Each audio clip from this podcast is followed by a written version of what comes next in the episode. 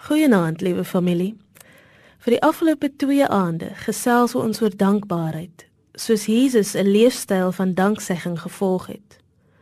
Van alles wat daar van dankbaarheid gesê kan word, is dit nodig om te weet dat 'n lewe van dankbaarheid baie oefening verg. Ek het onlangs 'n boodskap gekry van die tipe wat daagliks aangestuur word. En hierdie een het gelei: Ek is dankbaar vir die tiener wat kla oor skottelgoed was, want dit beteken dat hy of sy tuis is. Vir die belasting wat ek betaal, want dit beteken dat ek werk het.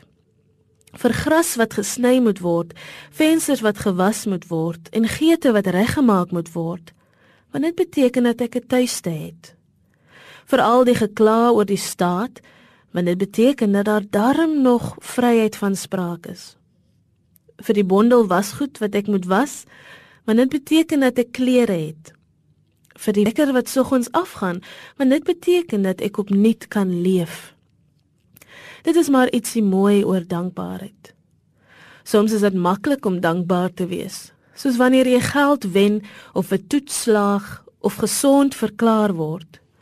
Maar om 'n dankbare hart vir 'n lang tydperk te behou, deur die geop en geaf van die lewe benodig oefening. Die oefening van dankbaarheid het wonderbaarlik goeie resultate.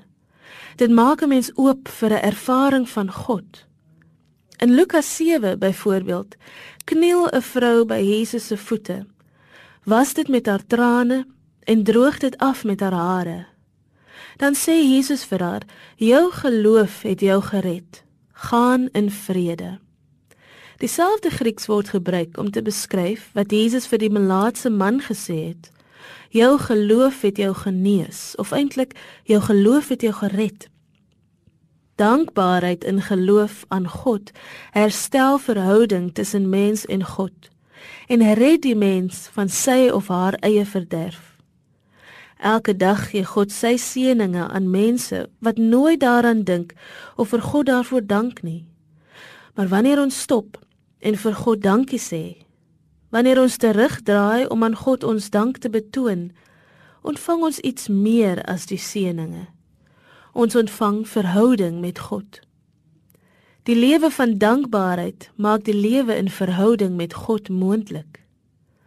Neem gerus die vrymoedigheid om iemand wat in dankbaarheid teenoor God leef, waar te neem. Dit is soveel meer as net 'n woord van dankie wat na God iewers ver gestuur word.